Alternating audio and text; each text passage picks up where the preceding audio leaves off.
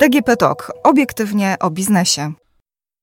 Zapaść w branży, upadłość wielu firm rodzinnych, które do tej pory żyły głównie z turystyki zamknięte hotele i skumulowany termin ferii. Jednym słowem, czy to będzie stracony kolejny sezon? Dzień dobry, Agnieszka Gorczyca, Infor.pl. Witam w kolejnym odcinku podcastu Obiektywnie o biznesie Moja Firma. Gościem w studiu jest Dariusz Wojtal, wiceprezes Polskiej Izby Turystyki. Dzień dobry, panie prezesie.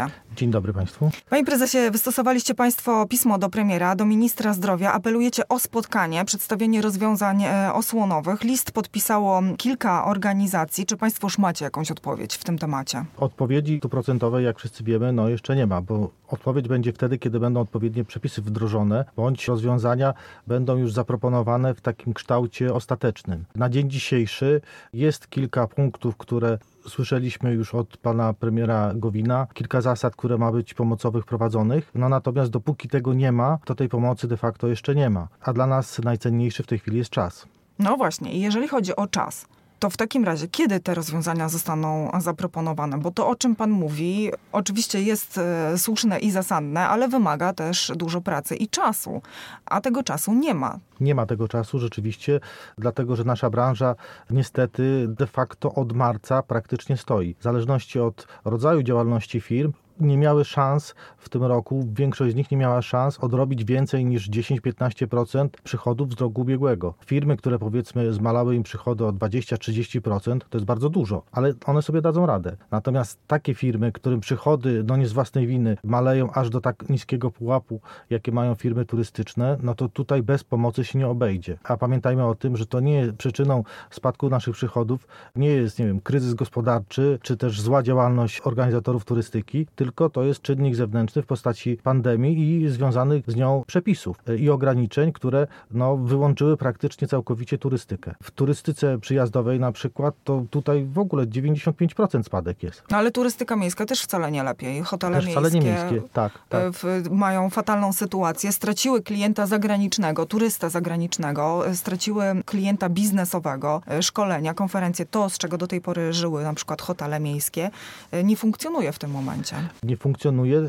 Tutaj trzeba podkreślić, że najbardziej to uderzyło właśnie w naszą branżę, dlatego że ta branża stała się w ciągu ostatnich lat swego rodzaju polską lokomotywą eksportową. Bo przecież przyjazdy turystów do, do Polski to jest eksport. Udało się nam zbudować całą sieć bardzo nowoczesnych hoteli, o bardzo skuteczną, fajną ofertę dla każdego, to znaczy i dla turysty zagranicznego, i dla biznesu zagranicznego. W Polsce odbywało się już bardzo wiele konferencji czy kongresów zagranicznych różnego rodzaju, od firmowych imprez poprzez międzynarodowe tematyczne imprezy. I teraz w momencie wprowadzenia wszystkich ograniczeń, to co było naszym atutem, to w nas uderzyło. No bo powiedzmy sobie szczerze, no w kogo najbardziej uderzają ograniczenia? W tych, którzy są najlepsi. Przecież ten najlepszy ma najwięcej, ma najwięcej zamówień, ma najwięcej obrotu. Ubiegły rok dla branży turystycznej był bardzo dobry. Ten rok zapowiadał się jeszcze lepiej. Myśmy mieli dużo więcej zamówień i perspektywę no naprawdę bardzo dobrą na najbliższe kilka lat. I to w zakresie turystyki wyjazdowej, bo nasi polscy turoperatorzy rosną w siłę, również w zasięgu europejskim. Nasi turoperatorzy przyjazdowi i majsowi również spokojnie sobie radzili i Polska stała się, weszła powiedzmy w pierwszą dziesiątkę takich krajów, które odwiedzić trzeba. zaczęła stawać się popularnym kierunkiem. A to jest dramatyczne, bo dotyczy to i przedsiębiorstw turystycznych, i całego łańcucha.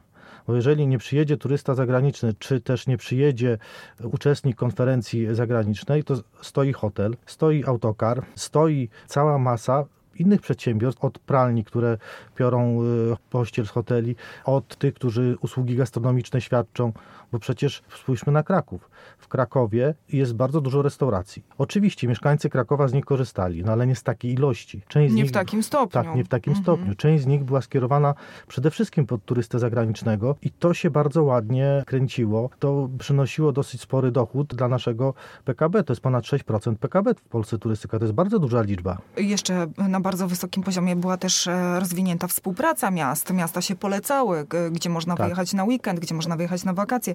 Ta współpraca naprawdę była na bardzo wysokim poziomie. W tym momencie wszystko po prostu zamarło. Wszystko zamarło. Tutaj takie światełko w tunelu polega na tym, że to zamarło, ale w momencie jak gdyby włączenia znowu tej energii w turystykę, to to wróci. Oczywiście nie mamy świadomość, że nie wróci w ciągu roku, ale odrodzenie się turystyki jest bardzo możliwe i ma bardzo duże e, zaplecze, no bo w tej chwili mamy koronawirusa. Jeżeli będzie epidemia malała w Europie, to dokąd pojadą nasi sąsiedzi? No do nas, bo będą w pierwszej kolejności najbardziej popularne podróże niedalekie. Żeby pojechać samochodem, żeby krótko lecieć, żeby w razie czego, gdyby coś dążyć i wrócić do domu, to po pierwsze, a po drugie, turyści pojadą tam, gdzie jest taniej, a Polska jeszcze jest w Europie tym krajem, gdzie za ten sam poziom usług zapłacimy dużo mniej niż w krajach Europy Zachodniej i gdzie no, można przeżyć wyjątkowe chwile, wyjątkowe wakacje, czy też wyjątkową wycieczkę.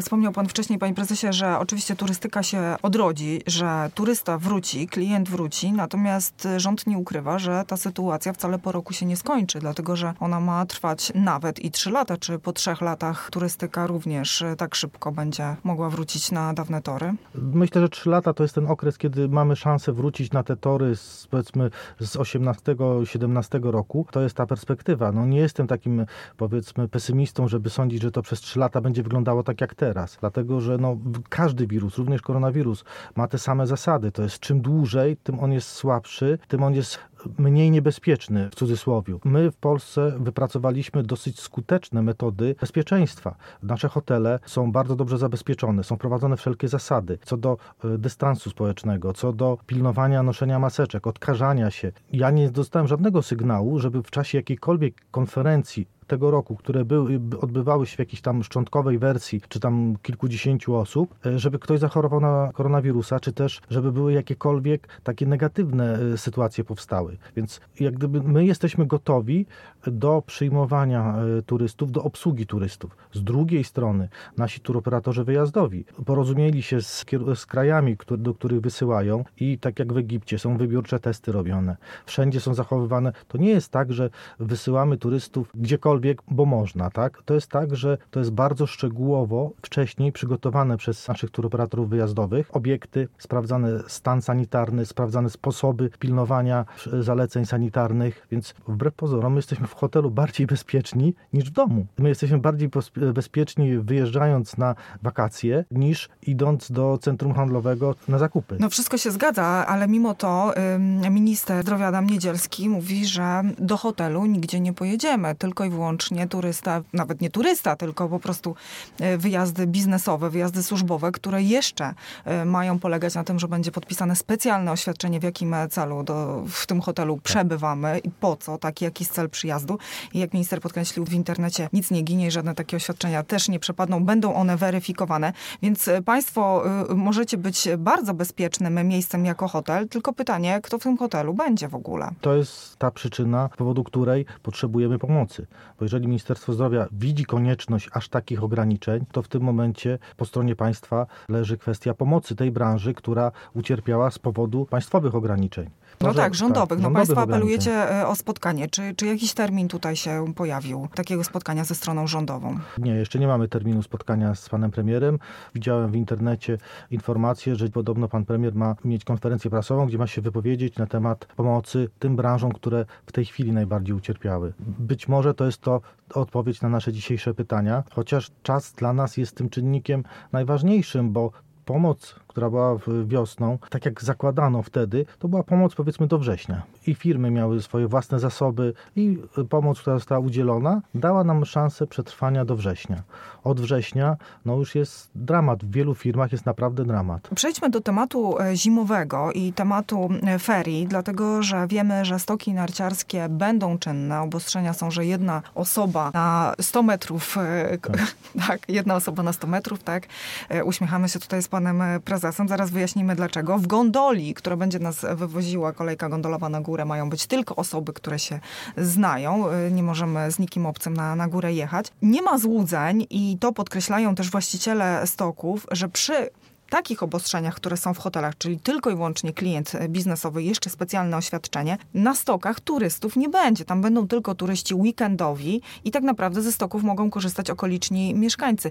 To będzie mikroruch w porównaniu tak. z tym ruchem, który generował lwią część przychodów w skali roku. Ferie to był ten sezon, to był ten czas na zarobek. No nas dziwi przyjęte rozwiązanie skrócenia e, terminów ferii i tak skumulowanie, skumulowania wszystkiego. wszystkiego tak. i tak dużych ograniczeń, bo no, u sąsiadów jest podobna sytuacja epidemiologiczna i tam z kolei idzie to w drugą stronę. Wydłużyć ferie po to, żeby właśnie nie było tego przesilenia ilością ludzi, tylko żeby to wszystko spokojnie się mogło. Y, minister odbyć. zdrowia stoi na stanowisku, że nie zgadza się z tutaj, konsultował to podejście rozszerzenia, rozsiania tych, tych ferii w dłuższym okresie czasu. Nie zgadza się z tym, że to wpłynęłoby na ograniczenie ilości zachorowań. No niestety nie mamy możliwości tutaj dyskusji z panem ministrem. A bardzo byśmy e, chcieli. Tak, bo nie mamy też badań, które potwierdzają tezę pana ministra, ani nie mamy badań, które potwierdzają rozwiązania przyjęte w innych krajach. To się dopiero okaże po fakcie, tak jak w Stanach Zjednoczonych przeprowadzono dosyć szczegółowe badania w okresie marzec-maj dotyczące rozprzestrzeniania się koronawirusa. Wyciągnięto z tego wnioski. Bardzo ciekawy raport powstał,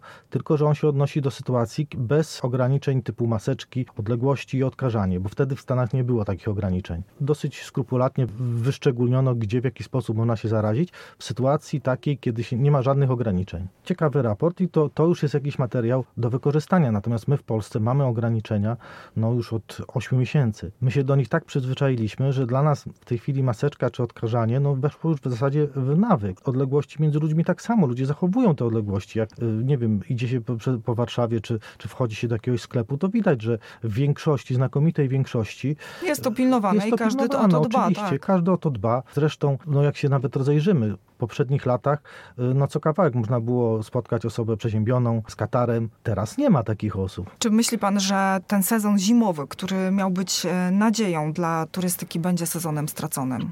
On już jest stracony. On już jest stracony, bo nawet gdyby dzisiaj podjąć decyzję, że jednak wycofujemy się z tych rozwiązań i to wszystko zmieniamy, to organizatorzy turystyki nie mają szans na sprzedaż nowej oferty, na jej przygotowanie i sprzedaż.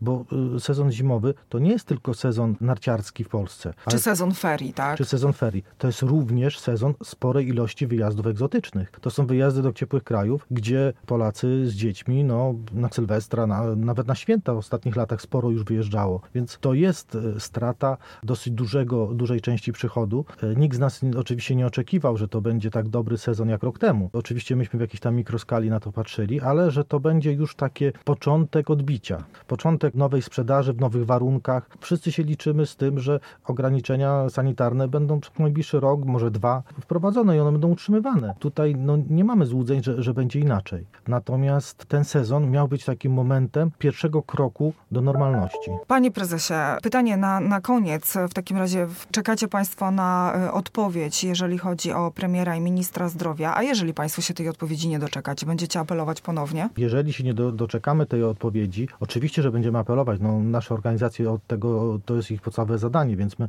my nie opuszczamy nigdy głowy i no niestety my jesteśmy do, od tego, żeby walczyć o interesy inaczej członków i, i całej branży.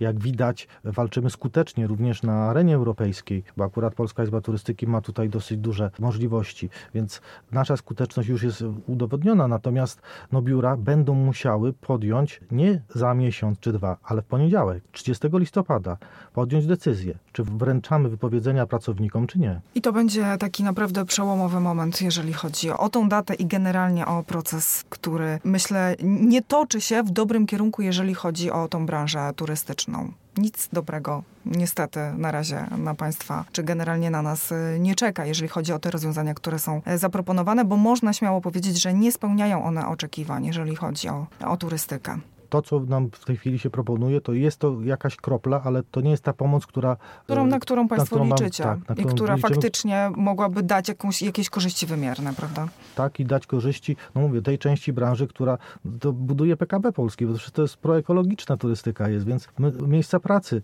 to są nowe. To jest, y, turystyka generalnie rzecz biorąc jest jedną z nowocześniejszych branż, które są we współczesnej gospodarce. Więc no, nie sądzę, żeby z drugiej strony no, cały czas liczymy na tą pomoc i na te rozwiązania, które będą bardzo konkretne i, i skuteczne, no bo no, nie sądzę, żeby rząd podjął decyzję, że to trudno. Zamykamy. Gościem odcinka podcastu Obiektywnie o biznesie był wiceprezes Polskiej Izby Turystyki Dariusz Wojtal. Dziękuję serdecznie za wizytę w studio. Dziękuję bardzo. Podcast realizowała Dorota Żurkowska, a ja zapraszam jeszcze na stronę e, moja firma infor.pl. Tam znajdziecie poprzednie odcinki podcastów, mnóstwo innych komentarzy, analiz, jeżeli chodzi o obecną sytuację gospodarczą. Dziękuję serdecznie, do usłyszenia.